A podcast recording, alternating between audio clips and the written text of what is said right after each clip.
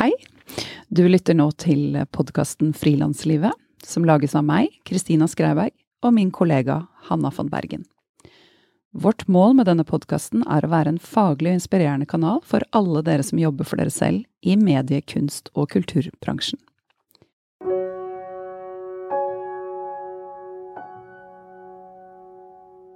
Jeg vil gjerne snakke litt om ukens annonsør. Jeg syns virkelig det ikke er noe stress å gjøre regnskapet mitt. Og det er fordi jeg bruker fiken. Fiken oppdaget jeg takket være deg, Hanna. Uh. Ja, som du fortalte meg om for jeg tror det er litt over fem år siden. Og så viste du meg litt sånn hvordan jeg skulle gjøre det, og så var jeg i gang. Men hvordan oppdaget du fiken? Jeg husker faktisk ikke. Jeg bare husker at regnskapet var utrolig knotete før eh, fiken. Og eh, det er så utrolig digg nå å kjenne at det er et område i frilanslivet som jeg har steinkoll på, og at det ikke trenger å ta så mye tid og være så avansert, og man ikke må kunne så mye.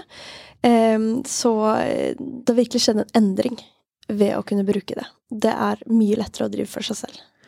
Og derfor er vi faktisk ganske stolt av at de er eh, annonsør av Frilanslivet, og har vært fast annonsør på hver eneste episode siden vi startet for over fire år siden. Hvis du vil prøve fiken, så kan du prøve gratis i 30 dager på fiken.no. Denne episoden handler om å gi ut bok på eget forlag, altså selvpublisering.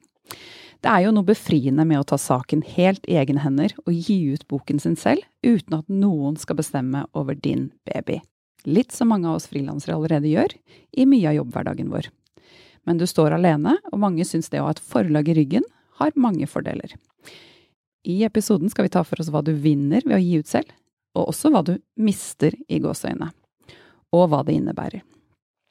Om alt dette skal jeg snakke med slampoet, forfatter og samfunnsdebattant Guro Sibeko.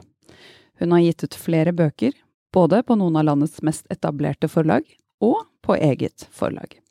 I neste uke kommer del to av denne episoden. Da snakker jeg med Kulturrådet om innkjøpsordningene for bøker, og med Norsk faglitterær forfatter- og oversetterforening om å søke forfatterstipend til sakprosabøker som selvpublisist. Selv har jeg gitt ut selv, og det var masse, masse jobb, men det ga meg også en følelse av å kunne styre prosjektet dit jeg ville ta det, og det motiverte meg veldig, og har helt klart gitt meg mersmak. Guro Sibeko, som jeg skal snakke med nå, har erfaring fra begge leire. Guro er en aktiv slampoet. Hun har laget teaterforestillinger, hun har vært leder for interimstyret i INN, etniske minoriteter i kulturlivet, og mye annet. Guro har gitt ut to romaner på Gyldendal. Hun har utgitt barnebøker på Cappelen Dam. I tillegg er hun en av fire forfattere bak en lærebok i samfunnsfag utgitt på Aschehoug. Guro har altså en hel del forlagserfaring. I 2018 hoppet hun ut i selvpublisering og ga ut den store Slam-boka, og året etter Rasismens poetikk, begge bøker på eget forlag. Hei, Guro. Hei. Jeg har lyst til å legge til at jeg også har utgitt en roman på Juritzen. Fordi det Vet du hva, det visste jeg egentlig. Ja. Og når man sitter sånn og ramser opp, så sitter jeg og tenker sånn Stemmer det alt? Fordi, Syns hun alt dette er greit? Altså, og grunnen til at jeg syns det er viktig å få med, er jo at jeg har erfaring både fra små og store forlag. Ja. Enda bedre. Um, men du er glad i å lage bøker. Jeg er veldig glad i å lage bøker. Det er det gøyeste som fins. Bøker er det gøyeste som fins. Hvorfor er det så gøy? Det er jo et helt univers eh, på en måte som du kan holde i hånda. Det er helt vidunderlig. Og så kan man bare lage sine egne universer. Jeg elsker det. Jeg elsker bøker. Ja, du har jo laget mange. Og det, ofte er det jo ganske lange prosesser med å lage en bok. Ja. Så man er ganske lenge i det universet. Ja, nå kommer den niende utgivelsen i neste uke, og da Nei, gratulerer. neste måned. Unnskyld. Neste måned. I Eh, oktober. I, helt sist i oktober Ja. kommer det eh, en ny bok, og det er min niende når jeg ikke regner med lærebøkene. Kan ikke du fortelle oss litt om den erfaringen du har fra, fra å gi ut på etablerte forlag? Altså, det har mange fordeler å gi ut på et etablert forlag. Og hvis prosessen fungerer sånn som den skal, så er det en, en veldig bra ting. Det er kjempeviktig å ha en god redaktør uansett hva du skriver. Eh, og de fleste som jobber i forlag, er gode redaktører. Eh, det er kjempeviktig å ha det juridiske på plass. Og det er utrolig deilig å slippe å liksom skulle holde orden på alt det du må holde orden på når du skal gi ut boka sjøl. Altså, det er ganske mye jobb å være forlag, og det å slippe å være både forlag og forfatter på en gang, særlig når man er en uerfaren forfatter, eh, det er jo veldig behagelig. Og det gjør jo kanskje at man kan bruke all energien sin på å lage god tekst. Som, det er liksom sånn det er tenkt, ikke sant? At forfatteren skal kunne bruke all energien sin på å lage god tekst. Og så skal andre folk gjøre det andre folk kan gjøre. Problemet er jo at det ikke virker sånn. Eh, veldig, veldig ofte. Eh, delvis fordi sjøl om folk er gode redaktører, så har de nok ofte for mye å gjøre. Så det blir eh, mye stemoderlig behandling av tekst i forlaget, sånn at den redaktøren som du er helt avhengig av for å klare å lage en god tekst, ikke gjør den jobben, og så er det ditt navn som står på det. Det er, det er du som sitter med ansvaret for teksten. Eh, jeg har også erfaring med at forlagene ikke klarer å ta de juridiske vurderingene som bør gjøres, at de ikke klarer å skrive riktige kontrakter. Det er også meninga Altså, det er jo kontraktsfesta at de skal ha ansvar for promotering og eh, salg, og det har jeg erfaring med at de overhodet ikke får til å gjøre. Så jeg satt jo igjen og følte at men jeg må jo gjøre alt selv uansett. Og da kan jeg jo like godt ta alle penga også. Fordi forlagene tar jo en ganske stor slump av penga dine.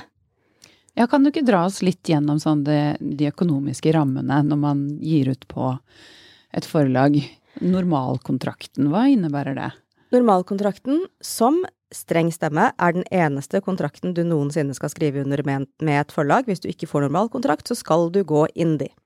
Eh, det var en liten innskytelse der. Veldig bra. Ja. Eh, men normalkontrakten eh, er en avtale som er framforhandla mellom forfatterorganisasjonene og forlager, Forleggerforeningen, og den eh, legger på en måte fram vilkår som er like for alle. Det spiller ingen rolle om du heter Vigdis Hjort eller eh, Lisa Johnsen, liksom. Du, du, får de samme kontraktsvilkårene som sier hvor hva som er ditt ansvar, hva som er forlagets ansvar, hvem som eier rettighetene, og det er forlaget. Eh, og eh, hvem som får hvilken del av penga.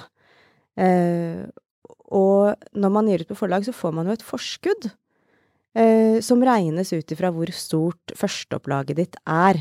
Eh, men det forskuddet er på en måte ikke Det er ikke ekstra penger.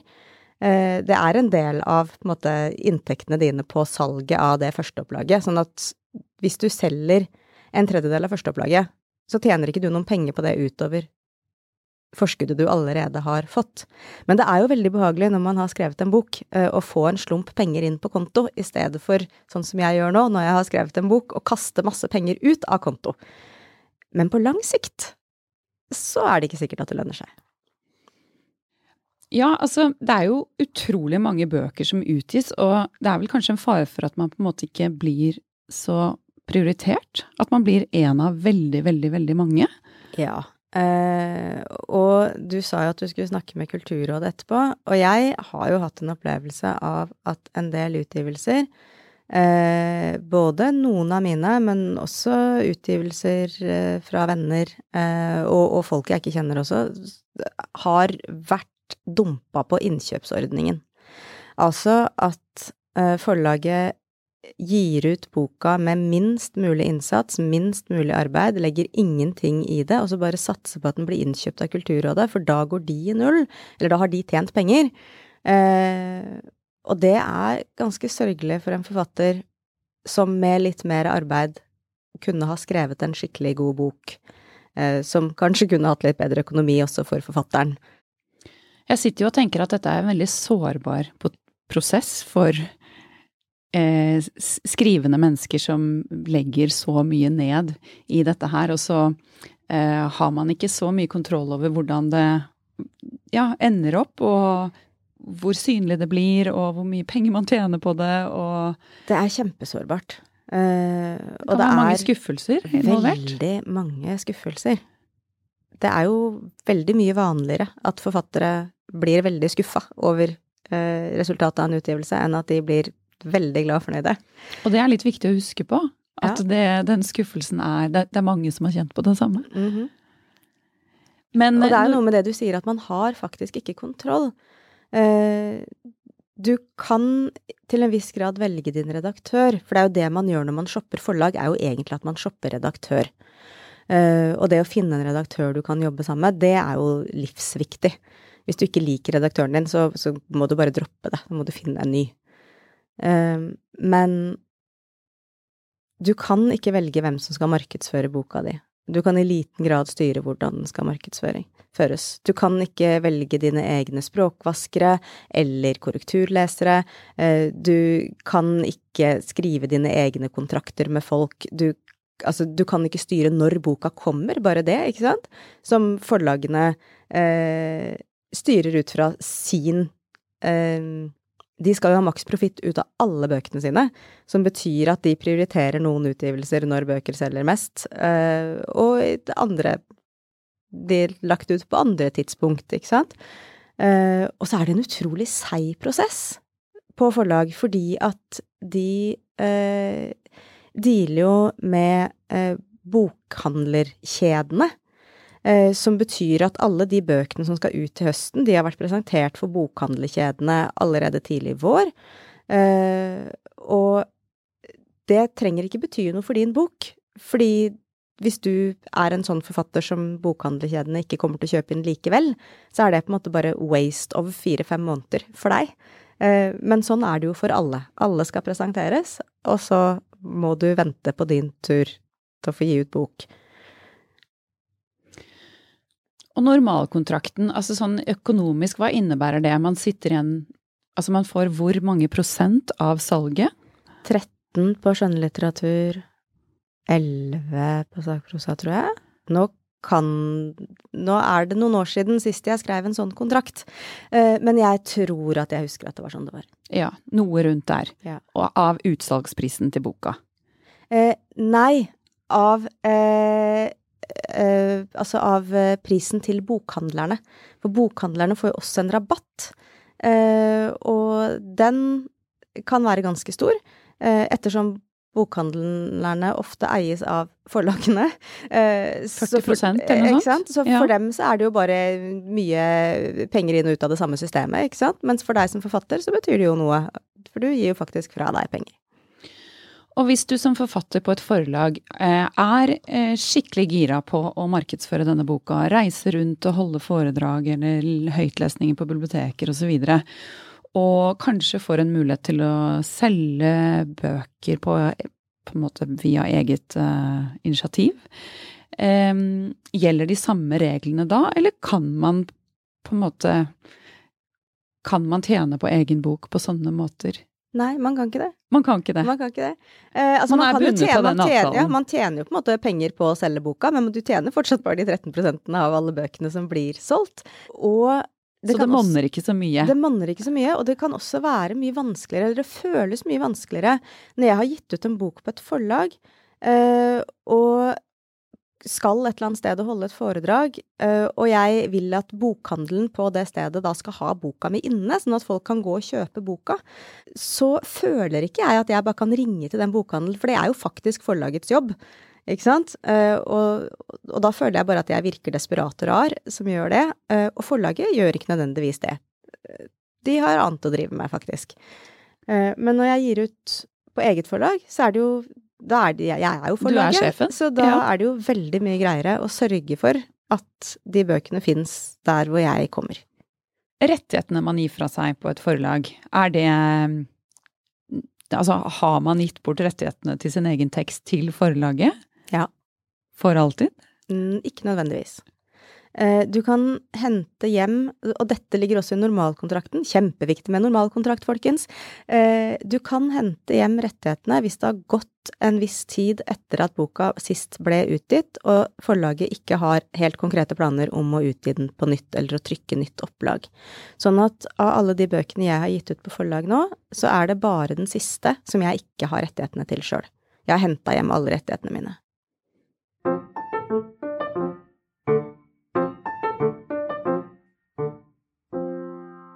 Og nå skal jeg hoppe videre til å snakke om det å gi ut selv. Men før vi eh, snakker om det, så hva er det som har vært liksom aller diggest med å gi ut på et forlag?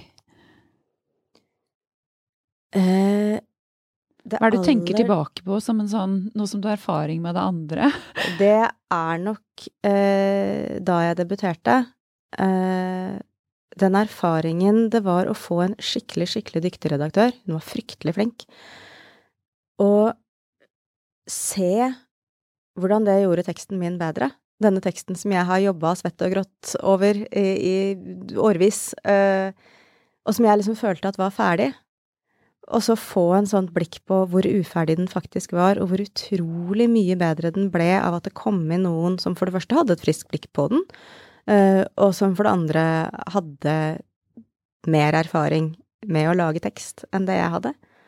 Uh, det var helt skjønt. Og så, i 2018, så kom du ut med din egen Høres ut som det er din første egne bok, men da ga du ut selv. Hvorfor tok du det valget? Uh, den boka som kom i 2018, den ga jeg ikke ut aleine. Uh, den ga jeg ut sammen med en uh, slampoetkollega og to uh, illustratører og en designer. Og vi hadde et veldig sånn klart eh, prosjekt, en veldig klar idé om hvordan dette skulle bli og se ut. Eh, og så snakka vi med noen forlag, og de skjønte overhodet ikke greia.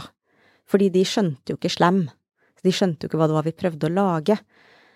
Eh, og så blei vi enige om at når vi hadde de ressursene vi hadde innad i den gruppa, og var et sånt bokband, så var det ikke så skummelt å gi ut på eget forlag. Eh, og så har jeg jo blitt gammel nok til at det var penger som kunne legges ut, ikke sant. Eh, da jeg var yngre eh, og fattigere, så ville det jo rett og slett vært vanskelig å få til, fordi det å, det å legge ut penger Altså, pengene må jo finnes. Eh, Hvor mye innebærer det? Til å trykke boka hovedsakelig? Akkurat nå så er jo papirprisene økt helt sånn hinsides. Eh, så den nye boka mi blir litt dyrere enn den forrige, kan du si. Eh, men eh, Altså, jeg tenker jo at man bør ha i hvert fall 100 000 hvis man skal produsere sin egen bok. og den boka her koster meg mer enn det. Ja. ja. Og også ha eh, bufferen til å kunne jobbe eh, uten eh, lønn, da, eller uten inntekt en stund, fordi de pengene kommer etterpå. Ja. Og så må ja. man jo huske på at det er, altså det er en investering, og som alle investeringer så kan den feile. Du kan ende opp med å ikke få tilbake en krone av de penga du har lagt inn, så du må ha råd til å tape dem òg. Ja, jeg har gitt ut bok eh, selv. Eh, kun selv. Eh, og det som jeg nevnte, og det ga meg veldig mersmak. Og jeg husker at jeg tror jeg skulle ut med 80 000 til trykk av boka for 2000 eksemplarer. Men det var en veldig sånn fin, det, ja, litt sånn coffee table-bok ja. og fotobok. Eh, men da husker jeg jeg satt og regnet på ok, hvor mange bøker må jeg selge for å bare break even? Mm. Og hvis jeg break even, så kjenner jeg at det, da har jeg lyst til å gå for dette. Og da er det verdt det. Eh, og nå husker jeg jo ikke hvor mange bøker det var, men jeg tenkte at ok, de 200-300 bøkene det kanskje ble, det det skal jeg få til. Mm. Så det er jo Ja, man kan jo sette opp et regnestykke og Og man bør jo kunne regne, på en måte. Altså, man kan ikke gi ut bok selv hvis man har matteangst. Da må man eventuelt leie inn en, noen som kan regne for deg. Og det er jo ikke de mest avanserte regnestykkene som skal til. Men du må liksom ha tenkt over eh, hvordan skal jeg prise denne boka for at jeg kan klare å nå break even Eh, og hvor mye penger har jeg råd til å legge i produksjonen? Eh, har, jeg, har, jeg, råd til å lage en coffee table-bok? Altså, det syns jeg er innmari, innmari gutsy og modig. For da er det dyrt å trykke, da. Ja, jeg som deg med den første boka hadde en veldig sånn tydelig visjon om hvordan boka skulle bli. Og hadde, det var et fotoprosjekt jeg hadde jobbet med i seks år. Så jeg vurderte ikke engang å gå til et forlag. For jeg kjente at dette trenger jeg å holde i fra begynnelse til slutt. Og at jeg var så investert i mitt eget prosjekt. Og jeg tenker at da er det eh, i hvert fall for meg var det veldig riktig å få lov til å holde i den prosessen hele veien og få gjøre det akkurat sånn som jeg ville. Mm. Og jeg opplevde også at når vi ga ut som bokband, eh, så var jo det å ha med seg illustratører og designer eh, helt sånn essensielt, fordi vi forfatterne, vi jobber jo bare med tekst. Og i hvert fall jeg er helt sånn antivisuell. Jeg skjønner ikke visuelt språk, liksom. Bokband, det var utrolig fint. Ja, ja det er veldig ja. fint. Nytt. Det er et konsept som sikkert vi kommer til å se mer og mer av. Ja. ja. Eller jeg, jeg, har, jeg, jeg, har ingen visuell fantasi. Uh, sånn at jeg, kan se at ting er bra når jeg ser det, men har, altså, jeg kan jo ikke lage det. Eh, jeg er helt avhengig av at det er flinke designere, at det er flinke liksom, folk som lager bøkene mine. Eh, ja, jeg etablerte også et bokband ja. med en grafisk designvenninne og en illustratørvenninne og flere med på laget. Ja, og det å være, å ha folk rundt seg, ha flere folk, det er jo kjempelurt. Og jeg tror kanskje at det er lettere for deg eh, enn det er for mange som skriver særlig eh, skjønnlitteratur. Eh, fordi at det er ofte et litt ensomt prosjekt. Du sitter aleine og skriver denne lange, lange teksten som du ikke veit om noen gidder å lese. Og da har du ikke nødvendigvis det nettverket av folk rundt deg som kan hjelpe deg. Eh, og da må du enten ha penger til å betale for det, eller så må du ha et forlag. Ja, og det, eh, det, har jeg tenkt flere ganger, at jeg er veldig usikker på om jeg ville gitt ut selv hvis jeg skulle skrevet en roman. Eh, den boken jeg ga ut, det var eh, en bok, en sakprosabok med et veldig sånn tydelig konsept. Som jeg, holdt masse foredrag om boka. Det var, den var på en måte lett å lett for folk å skjønne hva det handlet om. Men det er jo litt annerledes å måtte jobbe med kommunikasjonsarbeidet rundt en roman. Det er veldig annerledes. Og det krever mye, mye mer eh, å nå eh, Å finne kjerneleserne dine ofte. Eh, det er jo noen romaner som har veldig tydelige kjernelesere, eh, men veldig, veldig mange er jo litt sånn du vil egentlig bare at alle skal lese. Eh, mens for de aller fleste sakprosabøker så er det veldig lett å se hvem du skal prøve å selge denne boka til. Så det er mye vanskeligere tror jeg. Jeg har aldri gitt ut roman på eget forlag. Nei, du, det må jeg jo gjøre før eller senere. Ja, du tror du, du, tror du tør? Ja, ja det, det, skal jeg nok. Eh, men det er jo ikke fordi jeg nødvendigvis tror det kommer til å bli sånn veldig vellykka som i Jeg blir millionær, men eh, man skal jo ha prøvd alt, skal man ikke det? Helt enig. Ja. Og man lærer jo så mye. Mm. Um, men dette her eh, tror jeg nok er for personer som, man, som har litt sånn gründeren i magen. Som liker eh, mange eh, Ja, alle elementene det innebærer i en produksjon. Eh, så som du nevnte, at det å la forfatteren bare få lov til å jobbe med tekst, og hvis man ønsker å kun fordype seg i det, eh, det er jo en gave å få lov til det også. Mm så er det jo kanskje lettere å være på et etablert forlag. Mens hvis man liker å eh, ja, kaste seg ut i dette nye landskapet og sette opp budsjettene og sette seg noen salgsmål og komme seg ut og formidle og skape seg et bokband, ja. så er det jo en kjempespennende reise. Det er veldig, veldig gøy, liksom. Uh, og, og, jeg syns jo det er en uh, Ja, det er gave uh, å få jobbe med så mange flinke folk som jeg får jobbe med nå. Og det er en gave å få lov til å velge hvilke folk som skal jobbe med boka mi. Vi i Rema 1000 kutter igjen prisene. Nå på en mengde påskefavoritter. For eksempel kutter vi minst 25% på gourmetstykket fra Hatting, 150 gram bacon fra Nordfjord, rett i koppensuppe fra Toro og andre påskefavoritter. Alt dette og enda flere priskutt på minst 25% For det er sluttsummen på påskehandelen som teller. Og husk at vi fortsatt har fryst prisen på over 1000 varer.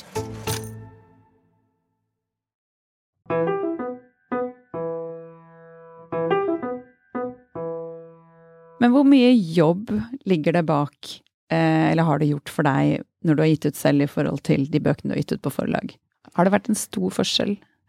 Ja, det er en stor forskjell. Uh, og det er jo produksjonen som er forskjellen, ikke sant. Tekstarbeidet er det samme. Det eneste er at du må finne redaktøren din selv, og betale redaktøren din selv. Og jeg har nok også Altså um, ja, du må finne og betale redaktøren din selv, men du må jo også finne og betale konsulentene dine selv. Det er også en ting som forlaget gjerne tar seg av uh, når du har forlag. Uh, sånn at det å ha å finne en fagkonsulent uh, eller fem som kan lese når man skriver sakprosa, og gi ordentlige tilbakemeldinger på de tinga de kan, liksom. Det er jo jobb, men det gir jo også en helt vanvittig deilig følelse av trygghet. At det ikke bare er en eller annen anonym idiot som har sittet og gitt en eller annen uttalelse, men at det er folk jeg stoler på, folk jeg veit er flinke, eh, folk jeg veit at bryr seg om teksten min og leser den nøye fordi de ikke vil at jeg skal drite meg ut. Eh, fordi de bryr seg om meg. Eh, det, er, det er en gave. Så sjøl om det er litt mer jobb med teksten, så føles det egentlig kanskje som mindre jobb på en måte. Men selve produksjonen er jo alt det man ikke trenger å tenke på når man gir ut på forlag. Uh, og det er jo å finne gode folk til språkvask, finne gode korrekturlesere, uh, finne designer, finne noen som kan sette boka, uh, spille inn lydbok, skal du det, ikke sant? Det har jeg også gjort, ja. Og skal du eh, Altså, hva slags format skal du gi ut i? Du må deale med trykkeri, du må få anbud på trykkingen, du må eh, skal, du bruke, skal du distribuere selv, eller skal du ha distribusjons, eh, et distribusjonsselskap? Eh, så må du deale med de. og her er det jo masse ha, kostnader som løper. Her er det masse kostnader som løper. Men mange av dem er ikke så store hver for seg, men det blir jo litt, da. Og så skal du huske å skaffe deg et ISBN-nummer i tide, og så skal du huske å sende uh, Til Nasjonalbiblioteket et eksemplar. Ja, og trykkeklar fil til uh, innkjøpsordningen og Ikke sant? Altså, det, det, det er mange sånne småting som du skal huske. men det er ingen av dem som er vanskelige. Og det er det er økonomisk overkommelig, i hvert fall for sånne bøker som jeg gir ut, da, som ikke er coffee table-bøker. Um, og det er veldig deilig å ha kontroll på at ting liksom blir gjort. Men det å dra inn ekstern kompetanse inn i prosjektet, hvor viktig tenker du at det er for å ja, passe på at prosjektet får en viss eh, kvalitet? Det er helt avgjørende det er ingen av oss som kan lage geniale ting på egen hånd, liksom. Alt blir bedre når du får litt hjelp og får flere folk til å se på det. Det er også mer behagelig eh, at de folka som ser på det, er folk jeg har valgt, og folk jeg betaler. Eh, fordi det gjør det lettere for meg å forholde meg fritt til det de sier eh, og forholde meg til det de sier som deres reaksjon på min tekst, og så kan jeg vurdere om det er en reaksjon jeg ønsker at noen skal ha på min tekst, eh, og hvis ikke, hva jeg ønsker å gjøre med det, eh, i stedet for at de på en måte både skal ha den eh, Dette kjenner jeg jo litt til som lærer òg. Det å liksom både ha en sånn veilederfunksjon eh, og være gatekeeper. Det er en veldig vanskelig kombo, for det er vanskelig å ta imot veiledning Eh, fritt og selvstendig av noen som også avgjør om boka di skal gis ut. Eh, veldig viktig poeng. Og det er veldig deilig å slippe det, at de som veileder meg nå, de gjør bare det. Og det er jeg som sier når boka er klar. Men hva tenker du på forlagsbransjens rolle som gatekeeper? Altså, det å gi ut selv er jo noe veldig mange kan gjøre. Ja.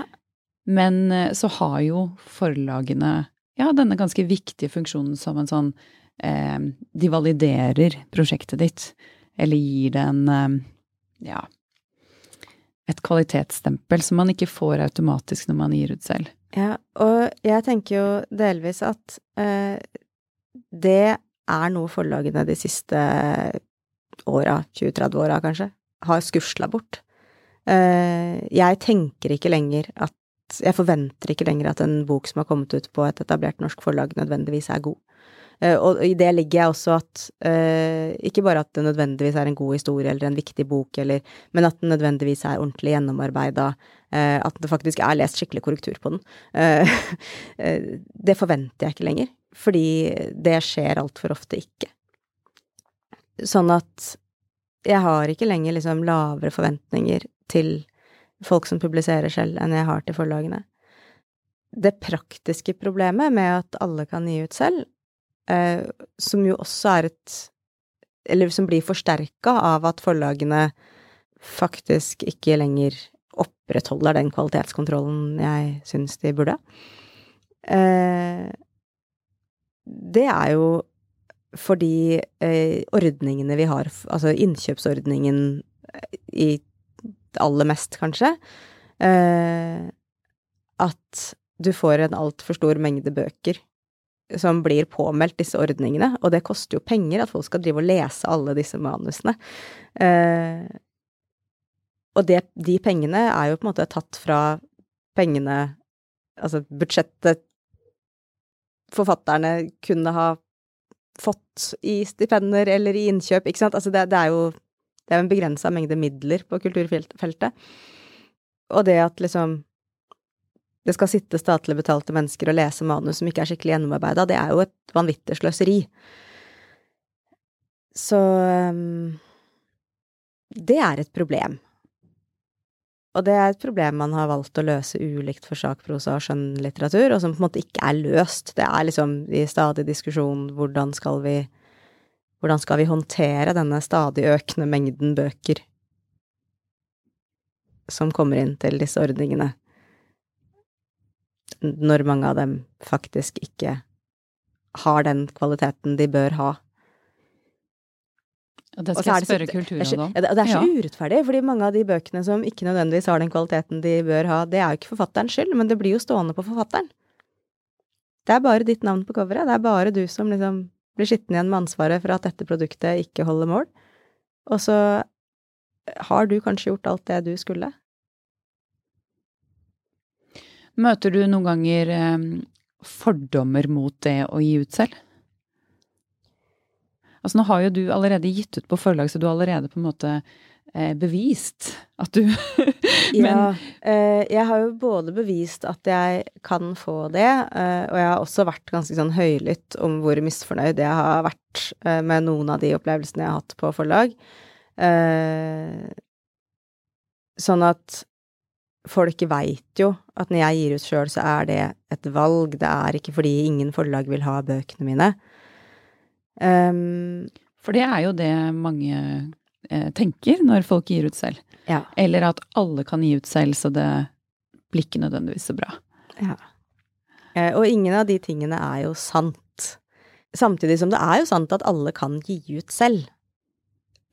Men eh, Og som hvis, i alle kunstuttrykk så er det jo eh, varierende kvalitet i alt ja, som skapes. For det er litt som at alle kan stille seg på torget og spille teater det betyr ikke nødvendigvis at en friteatergruppe må være dårlig. ikke sant? Altså, det eh, ja. ja. Det, det, at jeg spiller innmari dårlig teater på torget, betyr liksom ikke at Alt, alle som ikke er på Nationaltheatret, er, er dårlige. Uh, ja. Så, så jeg, jeg, føler ikke at jeg møter så mange fordommer. Um, men jeg vet jo at det er noen fordommer der ute. Um, og det tenker jeg at vil endre seg, rett og slett. For det er stadig flere som utgir uh, sjøl, og som gjør det bra.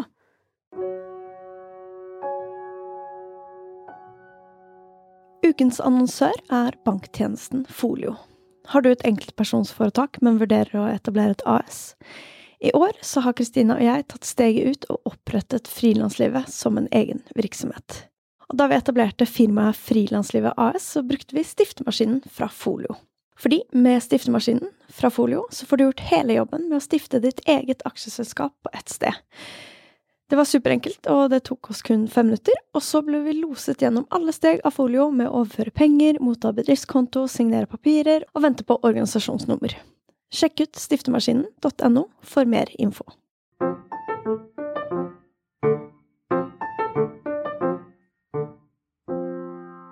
Og nå tenker jeg litt på sånn markedsføring og innsalg og få boka ut. Hvordan har du gjort det? Jeg har jo på eget forlag bare gitt ut uh, bøker som har en veldig, veldig klar målgruppe. Um, den første boka, som vi ga ut som bokband, den solgte liksom i forbindelse med slamting. Og ble liksom tatt inn i noen bokhandlere uten at vi egentlig jobba så hardt for det. Den andre boka, den ville jeg egentlig ikke selge. Jeg skrev den fordi jeg leste en annen bok som fikk meg til å tenke at noen må skrive den boka, og så tenkte jeg at men det er det jo jeg som kan gjøre, så da må jeg jo gjøre det, jeg føler at det er en plikt. Uh, og så vrengte jeg den ut av meg relativt raskt, um, og så produserte jeg den, og så sa jeg på Facebook jeg har skrevet en bok, litt sånn stille, fordi jeg på det tidspunktet var ganske sjuk. og veldig sliten. Og jeg orka ikke å skulle liksom stå i en masse debatter og en masse bråk, og, og jeg tenkte at hvis denne boka liksom blir veldig mye snakka om, så vil det bli veldig mye bråk. Det orker jeg ikke. Det som skjedde i stedet, var bare at alle kjøpte den, og ingen ble sinte.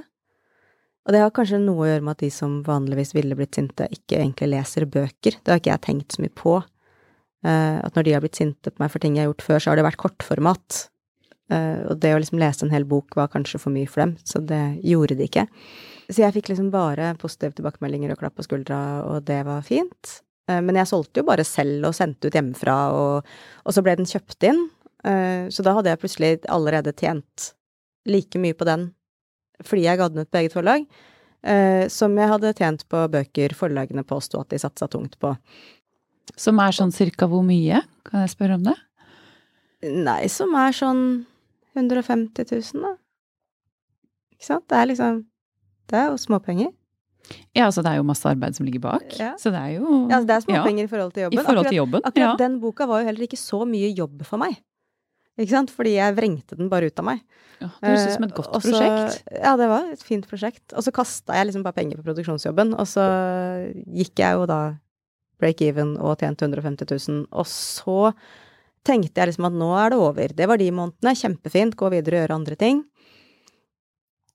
Eh, og så kom Black Lives Matter. Eh, et halvt år etter at jeg hadde gitt ut den boka. Og siden har den jo solgt i bøtter og spann. Så det Det er så nydelig Altså, da, å høre at det er liksom- mange veier til ja, og, En og nå, suksess. Ja, og nå glemte jeg liksom å si at det er en bok om rasisme. Eh, Ja, jeg nevnte det innledningsvis, men det er ikke, jeg satt og tenkte at det, for dere som lytter nå, så er det ikke så lett å følge tråden. Nei, skjønner, Men det er veldig at fint at det du ga ingen, det. ingen, ingen mening, selvfølgelig. Men poenget med at jeg trodde folk skulle bli sinte, er at det er en bok om rasisme, om rasisme i Norge. Den eh, dokumenterer hvordan rasisme fungerer i Norge. Eh, og jeg regna med ganske mye motstand på det. Um, og det som står der, er jo i dag helt sånn eh, Nå er alle enige om at det er sånn, fordi Black Lives Matter kom, men et halvt år før, altså høsten 2019, så, så var ikke det noe jeg bare kunne forvente at folk skulle tåle å høre. Eh, ja. Men jeg hadde god timing der, da. Men når du da selger i bøtter og spann i denne perioden, er det da via en nettside du da har satt opp, eller altså hvordan funker det rent som praktisk? Da eh, har den solgt eh, via bokhandlere for en stor del, eller direkte til meg. Eh, og jeg har ikke brukt distribusjonsselskap, fordi jeg aldri Jeg har liksom Det har kommet sånne salgsrush, og så har jeg liksom tenkt at eh, ja, men det varer en uke. Eh, og så er det over. Og så kommer det bare et nytt og et nytt og et nytt. Eh, sånn at jeg har drevet og sendt ut disse bøkene sjøl. Eh, og da sender jeg dem Da bestiller forlagene eh, via måte det vanlige bestillingssystemet, og så får jeg de bestillingene, og så sender jeg dem ut med noen unntak, da. Det er noen bokhandlere som bestiller direkte fra meg, eh, som er selvstendige bokhandlere, liksom. Eh, så jeg har jo slept mye tunge kasser på posten. Eh, og tenkt at det liksom var greit, fordi neste uke er det over. Eh, hele tiden. Eh, men når jeg gir ut ny bok nå, som jeg jo ikke aner om kommer til å selge noe som helst, om noen er interessert i, egentlig. Kanskje alle er ferdig med å snakke om rasisme nå, og ingen er interessert i å lese en bok om hva vi kan gjøre med det, og hvordan alle kan bli fri. Uh, men jeg har bestemt meg for at det der skal jeg ikke gjøre en gang til. Så nå blir det distribusjonsselskap. Ikke sånn. Jeg har også prøvd dette her med å ha alle kastene hjemme. Og som jeg mange ganger har ledd litt av meg selv, eh, men jeg tror veldig mange som gir ut selv, kjenner seg igjen. At man alltid på en måte har nesten sånn noen bøker i veska, eller hvis vi dro på ferie om sommeren, så hadde jeg en kasse i bilen tilfelle noen bestilte som jeg måtte sende ut fra hytta, eller de, Det ble et familieprosjekt, de var alltid med. Ja. Og um, vi har sånn kassesykkel med plass til uh, mine barn eh, foran, og de, den ble jo fylt opp med bøker, og jeg syklet rundt for å levere til bokhandlene og ja, for å dra ned på posten og ja. Så det, det Og det er jo noe veldig sjarmerende med det òg. Ja. Det, det, er jo, det er veldig hyggelig, og det er jo, bokhandlere er jo bra folk, så Ja, ja. Et, et veldig sånn eh, eh, god opplevelse med å gå rundt i disse bokhandlene og fortelle om boka mi, og, eh, og det gjorde jeg, da. Vandra rundt og spurte om de ville ha noen bøker som lå helt klare i sykkelen, rett utafor. Og det ja, gikk relativt bra. Mm. Så det, men ja, det er jo grenser for hvor lenge man orker. Første gang så orker man det kanskje, eller jeg orket det første gang, og neste gang så tror jeg også jeg skal prøve et distribusjonsselskap. Ja. ja. Som tar en liten køtt, da, regner jeg med. Av... De tar en liten køtt. Altså, de tar jo penger for å lagre bøkene. Det er det definitivt verdt. Jeg er litt lei av å ha hele huset mitt fullt av, bok, fullt av bokkasser. Uh, og så tar de jo selvfølgelig en pris for å sende ut boka. Um, men den prisen Altså, de har jo sånne flerbruksfordeler i det å sende ut bøker. Uh, at hvis du ikke selger altfor få bøker, så lønner det seg. Ikke sant. Um, og du som skrev da en setning på Facebook og opplevde at, at, det var egentlig ganske effektfullt. Jeg derimot, jeg satte av flere uker til å kontakte alle mulige presse, men det ga faktisk uh, det, hadde en effekt. Jeg havna på God morgen Norge og på NRK nyhetssending på TV og i NRK radio fire ganger etter hverandre på direkten ja. i løpet av en uke. Så det, det går an. Mm. Eh, men det, ta, det, krever tid, og det krever at man setter av tid, og at man gjør jobben. At man tør å gjøre den også. Ja. Eh, og det må jeg jo si at jeg har jo også erfart på forlag eh, at medieoppmerksomhet har begrensa salgsfremmende effekt. Eh, så det visste jeg, på en måte. At det, det er liksom ikke sånn kjempenyttig å bruke masse, masse tid på media. Ja, sitter jeg og lærer, egentlig. Ja. Fordi jeg opplevde ikke noe sånn rush av salg etter Nei. disse ukene. God morgen Norge er visstnok veldig bra. Det er visst, ja, visstnok. Jeg ja. satt der og viste frem boka, ja. men uh, Det har visstnok en viss salgsfremmende effekt. Uh, og det er noen andre medier også som man liksom snakker om at kanskje kan duge, liksom. Men um, det, det, er ikke sånn at folk løper ut og kjøper boka di bare fordi at de fikk vite at den fantes eller fordi de satt hjemme, at de satt hjemme i sofaen og tenkte at å, den var spennende. Når de hørte om det på radio. Ja. ja. Med mindre noen står utafor huset deres neste morgen eller kommer på døra med boka. Så. Men hva har mest salgsfremmende effekt? Hadde jeg visst det, så veit jeg ikke om jeg hadde sagt det. Å oh, nei! Men det veit jeg ikke. Uh, nei, altså uh, Det er litt sånn magi å selge bøker på mange måter. Eh, vi ser jo at det er mye lettere å selge bøker som eh, Som har en eller annen sånn kontrovers, da. Et eller annet folk liksom føler at de At de faller av samfunnet hvis ikke de har lest. Eh, Det er jo fantastisk hvis man klarer å oppnå det med en bok. Ja, altså, eh, la meg si det sånn, stuntet med Abida Raja sin, eh, sin bok nå, kudos til forlaget. Det er, det er bra, bra pressearbeid. Eh, jeg leser den nå. Og da har pressen salgsfremmende effekt. Ja, for da har du liksom klart å skape den vanvittige ja. hypen rundt den boka, ikke sant? Eh, men det som veldig, veldig ofte skjer når man er i media, er jo at man skaper en hype rundt forfatteren. At media syns forfatteren er interessant. Eh, og det hjelper jo ingenting med å selge bøker. Det er ikke meg jeg skal selge, det er jo boka. Så med mindre du klarer å faktisk lage hypen rundt boka, som media ikke kommer til å hjelpe deg med, eh, Veldig bra tips. så er det liksom ikke Det har ikke all verdens effekt. Sånn at eh, Da tenker jeg at det å få folk til å snakke om boka di i sosiale medier og altså Det tror jeg er nyttigere enn å snakke om seg sjæl på Lindmo. Sosiale medier er alltid svaret, altså. Dessverre. Nei.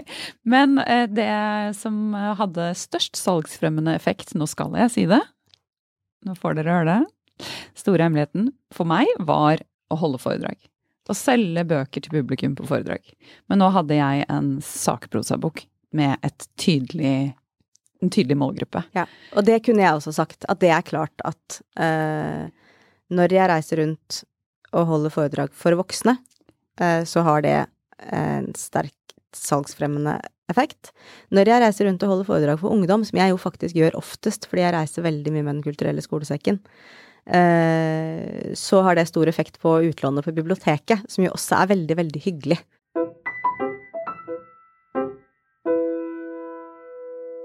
Ved å gi ut selv, eh, eller å forlate den etablerte forlagsbransjen, eh, føler du at du på en måte mister det å være en del av et slags miljø? Eller en, jeg, en klikk? Ja, altså hvis jeg hadde begynt med det, så hadde jeg jo aldri fått noe miljø. Eh, og det har jeg jo fått. Jeg har jo veldig mange forfattervenner, eh, og venner som driver med bøker. Og uten dem så skjønner jeg liksom ikke helt hvordan jeg skulle ha klart å gi ut selv. Eh, det Det hadde vært vanskelig. Men jeg har jo ikke mista vennene mine. Tvert imot så er det flere av dem som vurderer å gjøre det samme som jeg har gjort. Ja, du setter jo et veldig godt eksempel. Det eh, altså, viser at det er mulig. Ja, det er mulig. Det, det ser jo alle, på en måte. Eh, og jeg har det jo bedre enn mange av dem, som fortsatt utgir på forlag. Jeg, jeg er et gladere menneske. Uh, og det er klart at jeg er jo ikke lenger invitert til forlagsfestene. Det er få ting jeg savner mindre i livet mitt. Og det er jo også Altså, det har jo blitt sagt uh, av mange før meg at andre får kanskje betalt i knapper og glansbilder, mens forfattere får betalt i champagne og kanapeer. Ikke champagne engang, selvfølgelig ikke. Eh, cava og kanapeer. Eh, fordi de tar alle penga våre. Og altså, når jeg sa liksom 150 000 i, i stad, så er det liksom det er relativt mye penger. Du kan godt tjene mye dårligere på en bok utgitt på et forlag. Og så sitter de og har fastlønn og pensjonsordninger, og så smører de oss med cava og kanapeer for at vi skal være blid. Nei, er ikke greit. Savner det ikke. Tusen takk for at du kom, Guro. Tusen takk for meg. Hjertelig takk. I neste ukes episode så snakker jeg med Kulturrådet om innkjøpsordningene for bøker, og hva man skal tenke på når man søker som selvpublisist. Og jeg snakker også med NFFO, Norsk faglitterær forfatter- og oversetterforening, om å søke forfatterstipend til sagprosabøker som selvpubliserende. Så stay tuned. Neste uke så får dere enda mer informasjon om det å gi ut bok selv, og om bokbransjen for øvrig. Ha det godt.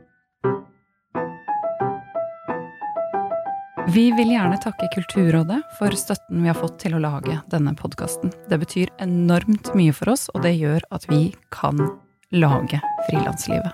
Tusen, tusen takk.